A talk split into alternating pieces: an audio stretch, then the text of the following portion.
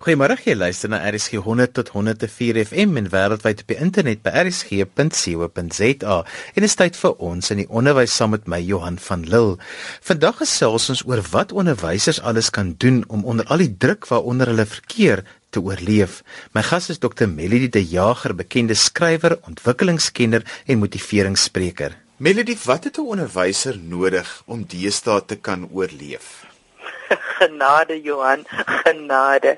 Jene die die onderwysers trek swaar op hierdie stadium. My hart gaan uit vir elke onderwyser in hierdie land wat besluit om sy of haar lewe toe te wy aan ander mense se kinders. Kyk om jou lewe toe te wy aan jou eie kinders is moeilik genoeg by tye, maar om te kies om jou lewe toe te wy aan ander mense. Man, dit is dit dit vat mannemoed. En Johan die ding is, onderwysers is gewoonlik in die onderwys omdat hulle 'n passie vir 'n vak of 'n vaardigheid het wat hulle graag met ander mense wil deel staan so dit is hoekom 'n mens aangetrokke raak tot die onderwys want dit is die dis die moontlikheid dat ek my passie op 'n daaglikse basis met ander mense kan deel. Want jy weet jou vriende en jou familie raak moeg vir jou selfe stories is as gravitasiekrag nou regtig jou jou ding is. En hulle het dit nou gehoor, dit is nie hulle ding nie. Na rukkie na raak hulle moeg daarvoor. Maar as as jy dit elke dag met met met ontvanklike kinders of of studente kan deel, o, dan dit ons verskriklik lekker. Maar 'n onderwyser is definitief nie in die onderwys om geboelie te word en dis ongelukkig wat verskriklik gebeur op die oomblik.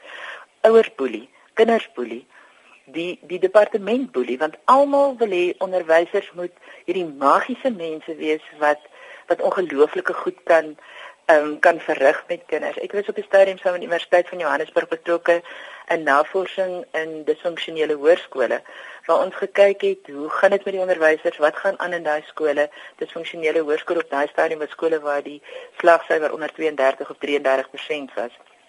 En ons het gaan kyk, hoe gaan dit met die onderwysers in daai skole? Wat kan ons met die onderwysers doen om hulle te bemagtig sodat dit makliker gaan want dit was die omstandighede was baie moeilik geweest.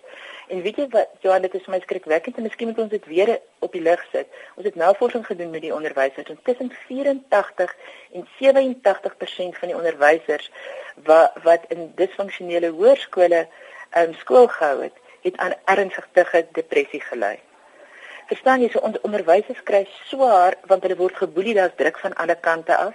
Ons onderwysers kry swaar want hulle word geplaas in poste waarvoor hulle nie opgelei is nie. Hulle word geplaas in in vakke. Hulle moet vakke gee waarvoor hulle nie 'n passie het nie. Hulle moet 'n vak, vak gee wat hulle nie regtig ken nie. Nou sonder passie en kennis, hoe in die lewe staan jy op 'n daaglikse basis? Nou praat ek nie eers van die kinders nie. Hoe staan jy as 'n volwassene voor 'n groep kritiese kinders as jy nie jou vak ken nie en jy het nie 'n passie vir dit wat jy moet aan, aanbied nie. So die lewe is moeilik en al al het jy 'n passie vir jou vak en al is jy gelukkig genoeg om in 'n vak te wees of in 'n graadskool te hou waar waar jy wil skool hou. Die hoeveelheid kinders met leerprobleme is so oorweldigend groot op hierdie stadium. Dit dit raak regtig moeilik om skool te hou. So Ek is so bly ons kan vandag praat oor wat kan 'n onderwyser of onderwyseres doen om bietjie mooi na hulle self te kyk. Melody, so kom ons begin daar. As ek dalk 'n onderwyser is wat bietjie facefoos is op hierdie stadium, al is dit nog redelik in die begin van die jaar, maar die druk is ongelooflik baie. Hoe maak ek? Wat kan ek doen om beter na myself te kyk? Ek dink die heel belangrikste ding Johan is gaan sit op 'n mooi plek. Wel, mooi plek is vir my belangrik, maar gaan sit op 'n plek wat vir jou lekker is. En gaan sit iets in jou hand wat vir jou lekker is om te eet of te drink. En vat 'n pen en papier of wat jou rekenaar as jy wil. Jy gaan maak 'n lysie van goed wat jou krap en waaroor jy beheer het en dan maak jy twee kolomme. Waaroor het jy beheer en waaroor het jy nie beheer nie. En as jy nie beheer het nie, ehm um, dit waaroor jy nie beheer het nie, laat dit gaan dit help nie ons mors energie en ons mors baie energie oor 'n klomp goed waaroor ons nie um, beheer het nie. Maak 'n lysie van waaroor het jy beheer en fokus daarop. Die belangrikste ding Johan, as jy na daai lysie kyk en jy besef ek het my passie verloor en ek het nie kennis vir hierdie ding nie, dan moet jy 'n nuwe plan maak. Maar as jy nie 'n nuwe plan wil maak nie, jy het nog jou passie. Jy het jou passie vir jou vak, jy het die passie vir die kind, jy het die passie vir vaardigheid wat jy wil oordra. Dan moet 'n mens kyk, wat kan ek doen?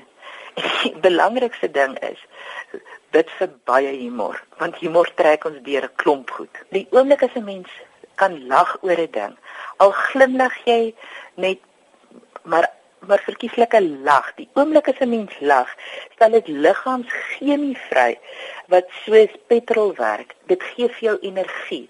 Dit dit, dit help jou met geheue ook. Die oomblik as daar positiewe energie deur jou are bruis en daar's positiewe chemie in jou lyf. Jy moet onthou elke emosie se Candice Bit is 'n chemiese reaksie. So die oomblik as jy positief voel en 'n positiewe gevoel loop gewoonlik oor, hy spoel oor in 'n glimlag of of 'n regte lag Die oomblik as dit gebeur, dan gebeur daar twee goed. Die een is jy is meer gesond en die ander ding is 'n glimlag en positiwiteit is aansteeklik. So dit is die begin om jou lyf se chemie weer positief te kry. Mense lyf het allerlei skakelaars wat 'n mens kan gebruik om jou eintlik voor te berei vir die dag of om te maak dat jy deur die dag kan kom. Vergeef ons so 'n paar van daai skakelaars wat onderwysers kan gebruik. Wel die eerste skakelaar Johan is 'n mens moet eers leer om jouself te monitor. Jy moet leer om te voel waar lê die grootste as jy nou 'n rooi kol kan vat. En jy sit 'n rooi kol, nie jy het 'n prentjie van jou lyf of jy gebruik sommer jou eie lyf. En jy sou 'n rooi kol kon plak waar jy die grootste spanning voel. Daar waar jy die grootste spanning voel, daai skakelaar moet jy verander. Want die oomblik as daar spanning is, dan ehm um, dan het dit 'n negatiewe effek op 'n mens se denke. Net gou-gou ietsie sê van 'n ou se denke. Die die die brein, oeg, is so kompleks. Maar as ons op 'n eenvoudige manier daar daarna kan kyk, dan die brein drie vloere, hy het 'n grondvloer, 'n eerste vloer en 'n tweede vloer. Jou tweede vloer, daar's al jou skerpheid, daar's dit jou jou intelligensie, die tipe tipiese IQ wat mense kan probeer meet. So daar dink jy, jou jou so dis die tweede vloer. Jou eerste vloer is daar voel jy jou grondvloer is wat doen jy? So dink dat daar 'n huisbak is en jou ruggraat is die is die huisbak skag. So as jy as jy in oorlewing is, so alles is net eenvoudig vir jou te veel. Jy het nie meer krag en energie om jou lyf te lig nie, dan lig jou huisbak glad nie. So dit beteken dan moet 'n mens voel waar in jou lyf sit jou spanning. En die snaakste ding, Johan, is die oomblik as die spanning oorweldigend baie word, dan raak 'n mens se mond droog en jou maag vol snaaks. En as jy bewus raak van jou kuite, sal jy voel jou kuite trek op en gewoonlik jou skouers en die agter in die nek. Kyk, mense se lywe reageer verskillend.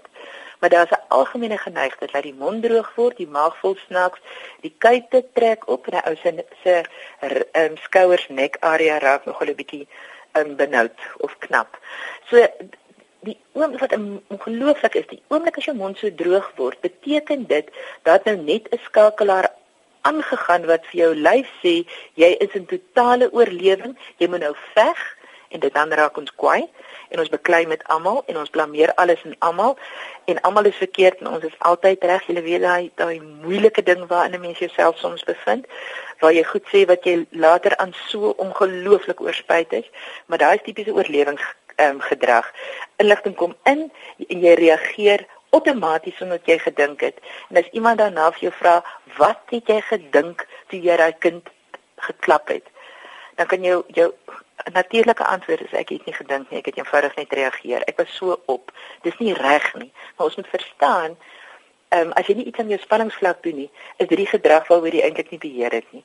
So, hoe kry ons as jy in jou oorlewingsbrein is en die mond voor droog, hoe kry ons daai mond weer aan? Wel drink water. Die oomblik as mens water drink, en jy sluk nie 'n hele liter water op 'n slag nie, maar jy jy vat klein slukkies en jy hou die water in jou mond sodat die water deur jou palet na jou brein toe gaan. Jy moet onthou, brein is 'n suurstofvraat hoe meer suurstof jou brein kry, ons kry dit deur beweging en asemhaling en water drink, hoe meer suurstof jou brein kry deur water of lekker stadige asemhaling. Ehm um, hoe gelukkiger raak jou brein. Hoe hoe meer kan hy homself die energie gee wat hy nodig het om op die ander vloere uit te kom. So water drink is baie belangrik en om seker te maak jou tong bly op jou palet as mens regtig poot uit is, soos soos vir die of jy mense Afrikaans is so fantasties. Jou tong hang uit van die moegheid. Die oomblik as jou tong onder in jou mond lê, is jy regtig in 'n gevaarsone, want dan begin 'n mens deur jou mond asemhaal in plaas van deur jou neus asemhaal en dit het 'n klomp ander effek op die lyf. So drink water is stapie nommer 1.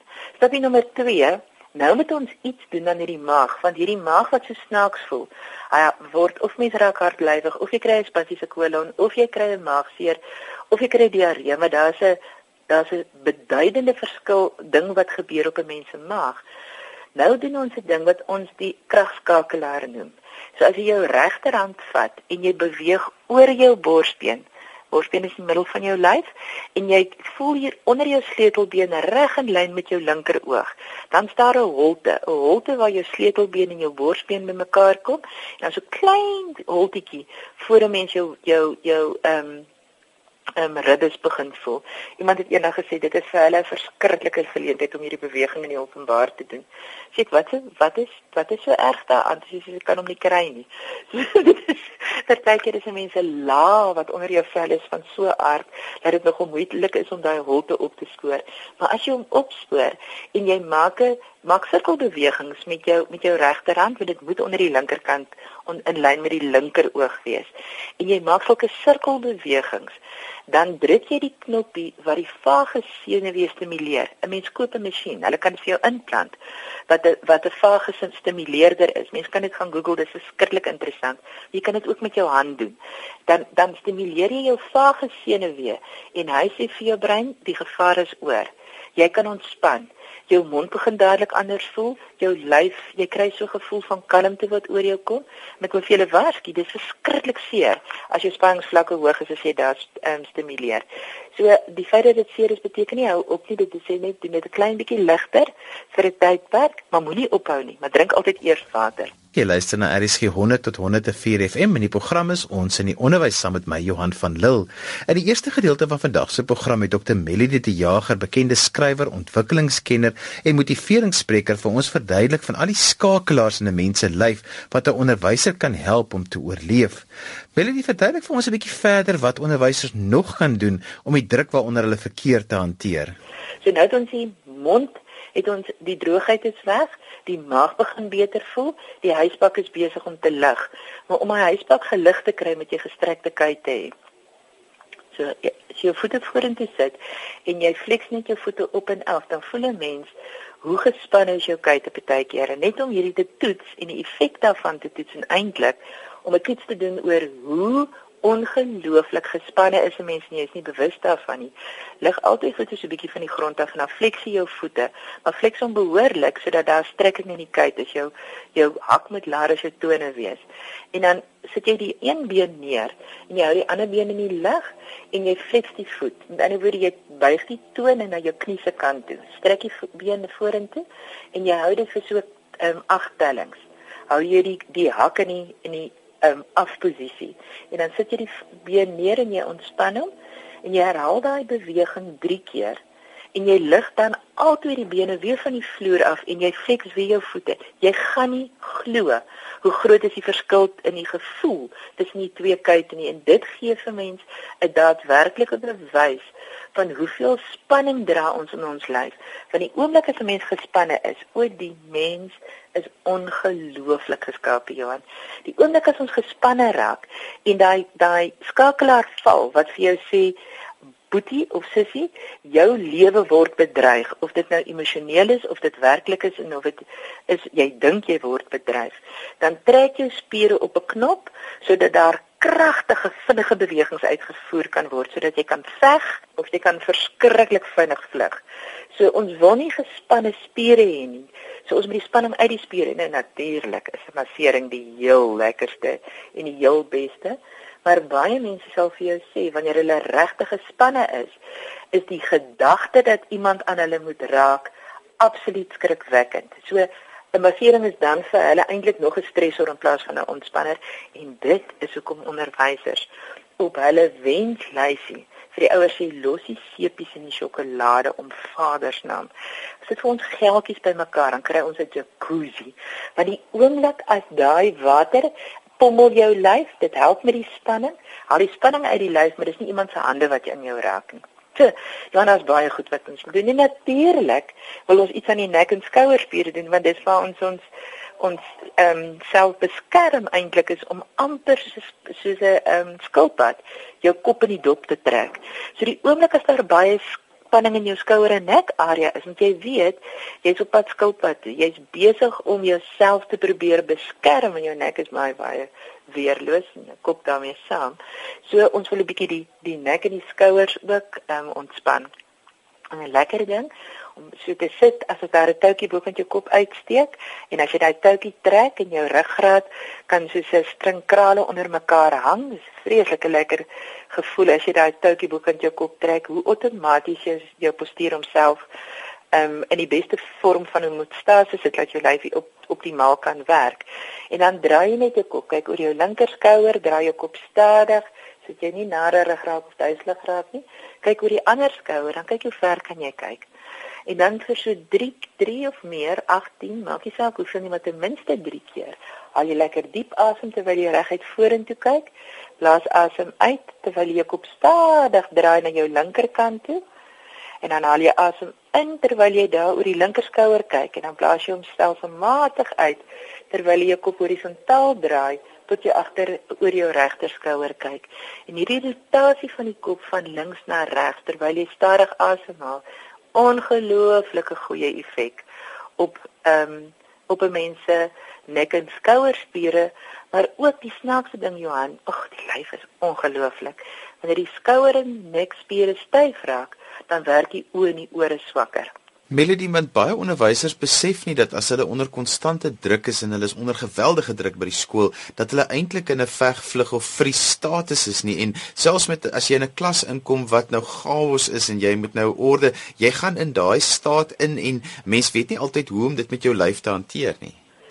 Ja, nou dit is hoekom by die Mindfulness Instituut ons so hard werk om onderwysers te bemagtig, om kinders te bemagtig sodat hulle um beter kan saamwerk. En dit is 'n ou wetenskaplike feit en jy het nie wetenskap nodig om um sommer net um common sense te hê nie, maar mense wat saam beweeg, werk beter saam. Dis hoekom hulle elke weermag op hierdie aarde, Chaka en sy impies, altyd voor 'n oorlog beweeg hulle saam. Hoekom beweeg hulle saam? Want dit is 'n manier om mense te kry om saam te werk.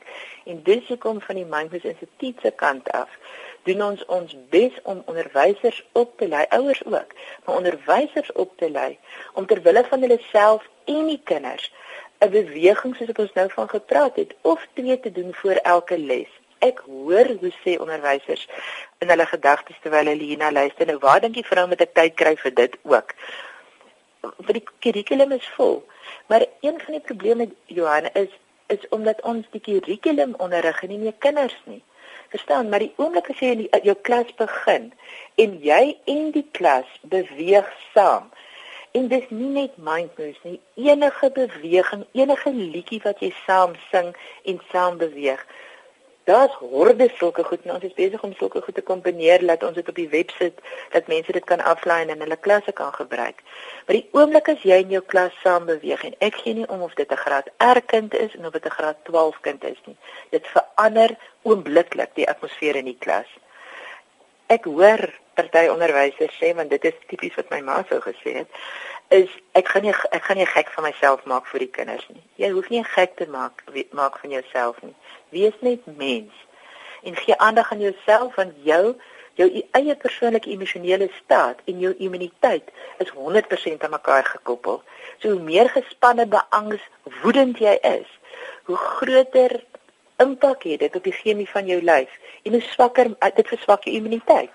Maar hoe meer positief jy voel en hoe meer jy en die kinders mekaar kan vind en saamwerk, hoe meer stryd dit skei dit al daai positiewe chemie in jou lyf af wat jou immuniteit ondersteun in plaas daarvan dat dit in die beer. Melody, watter rol speel goeie asemhaling in die onderwyser se daaglikse oorlewing? Ek sien Johan, dit jy vra sulke skitterende vrae. Die die of jy maak eintlik 'n skitterende opmerking sê weer die antwoord. Die die ding van asemhaling is soos ek vroeër gesê het, hy's hy's 'n vreeslike goeie bron van suurstof en die brein is 'n absolute suurstofvraat. So goeie asemhaling beteken my brein kry beter kos waarmee hy beter kan werk. Maar die oomblik as mens in 'n oorlewing is of jy as jy of jy nou kwaad is of jy angstig is, of jy aggressief is of jy depressief is, die oomblik as jou asemhaling as jy in 'n oorlewingsstaat is, is jou asemhaling kort dis vlak en kort. Met ander woorde, dit is jou jou kwaliteit suurstof wat jy inneem is ongelooflik dis min, dis min op 'n keer. Navorsing het gewys dat byvoorbeeld 'n dolfyn wanneer hulle uitasem of uitblaas, dan blaas hulle 90% van ek gaan nou sê ou veilig, ou veilig uit en, en daarmee saam skep hulle die moontlikheid om 90% skoon vars suurstof in te neem wat vir hulle brein natuurlike heerlike hulpstoot gee. So om na jou asemhaling op te let. Dit is regtig ek ek gaan nou nou vinnig probeer vertel Johan en ek weet nie of dit gaan reg kry nie. Maar in ehm um, die Engelse weergawe is when you breathe full you powerful. When you breathe less you powerless. Melody, julle help onderwysers om te oorleef met al die druk wat van die samelewing afkom en wat hulle by die werk het. Wat doen julle vir onderwysers? Vertel vir ons luisteraars. Ons bied werkswinkels aan. Ons het 'n vreeslike hoop gratis inligting op die web. Ehm um, en ons bied werkswinkels aan vir onderwysers en vir ouers. Ehm um, waarin ons vir hulle doelspesifiek Party mense wil nie verstaan nie, hulle wil net weet wat om te doen. So ons het werkswinkels, wat daar's een wat nou vrygestel gaan word, waar jy sê as die kinders woes is in jou klas, byvoorbeeld watter bewegings kan jy doen om kinders wat woes is kalmer te kry? en daarmee staan hiperaktiewe kinders vir 'n tydperk rustig en kalm te kry. Die interessante ding is 'n hiperaktiewe kind het nodig om op 'n spesifieke manier te beweeg voor hulle kan stil sit. So hoe om woeste, woelige kinders rustig en kalm te kry. Dan leer ons vir onderwysers hoe om slaperige kinders weer wakker te kry. Maar mense moet onthou daar kom 'n tyd wanneer jy regtig moet slaap. Jy kan nie net ander oefeninge doen en opkurs drink nie. Iewers moet 'n mens slaap en dis een van die goed wat onderwysers baie mee sukkel omdat hulle kopie so besig is. So goeie slaap is belangrik. Watter mind moves kan 'n mens doen om die brein in 'n rustende fase in te sit en dan ook te help met slaap. Sien nou maar die hande wil nie aanskakel nie. Net baie dae werk jy hande lekker en baie dae werk jy hande nie. Die kinders se skrif is aardig. So watter bewegings kan ons doen voor 'n mens se skrif um, oefening doen? Of wat kan jy doen om die brein in die in die leessiklus te sit? Of wat kan jy doen om 'n brein in 'n skryfsiklus te sit? Want dit is nie dieselfde, dis nie dieselfde neurochemie of neurologie in die brein. Dis dieselfde bedrading wat jy laat lees en wat jy laat skryf, nie verskillende bedrading. So hoe om daai skakelaars te aktiveer sodat die regte deel van die brein aankom, letterlik aanlyn kom vir die taak wat ek nou gaan gaan ehm um, of vir die vir die vir die taak wat ons nou gaan uitvoer in die klas. Melodias mense met julle wil kontak maak, hoe kan hulle dit doen? Ja, en dan kan hulle ons kontak op die web www.mindmoves m i n d m o v e s.co.za. Dis en al wat vir ons tyd het vandag. Onthou jy kan weer na vandag se program luister as 'n potgooi. Laai dit af by rsg.co.za. Skryf gerus vir my indien jy enige kommentaar het op vandag se program of as daar onderwerpe is wat jy graag wil hê ons moet aanroer in ons in die onderwys. My e-posadres is Johan@wwd.co.za. Dan groet ek dan vir vandag tot volgende Sondag van my Johan van Lille. Totsiens.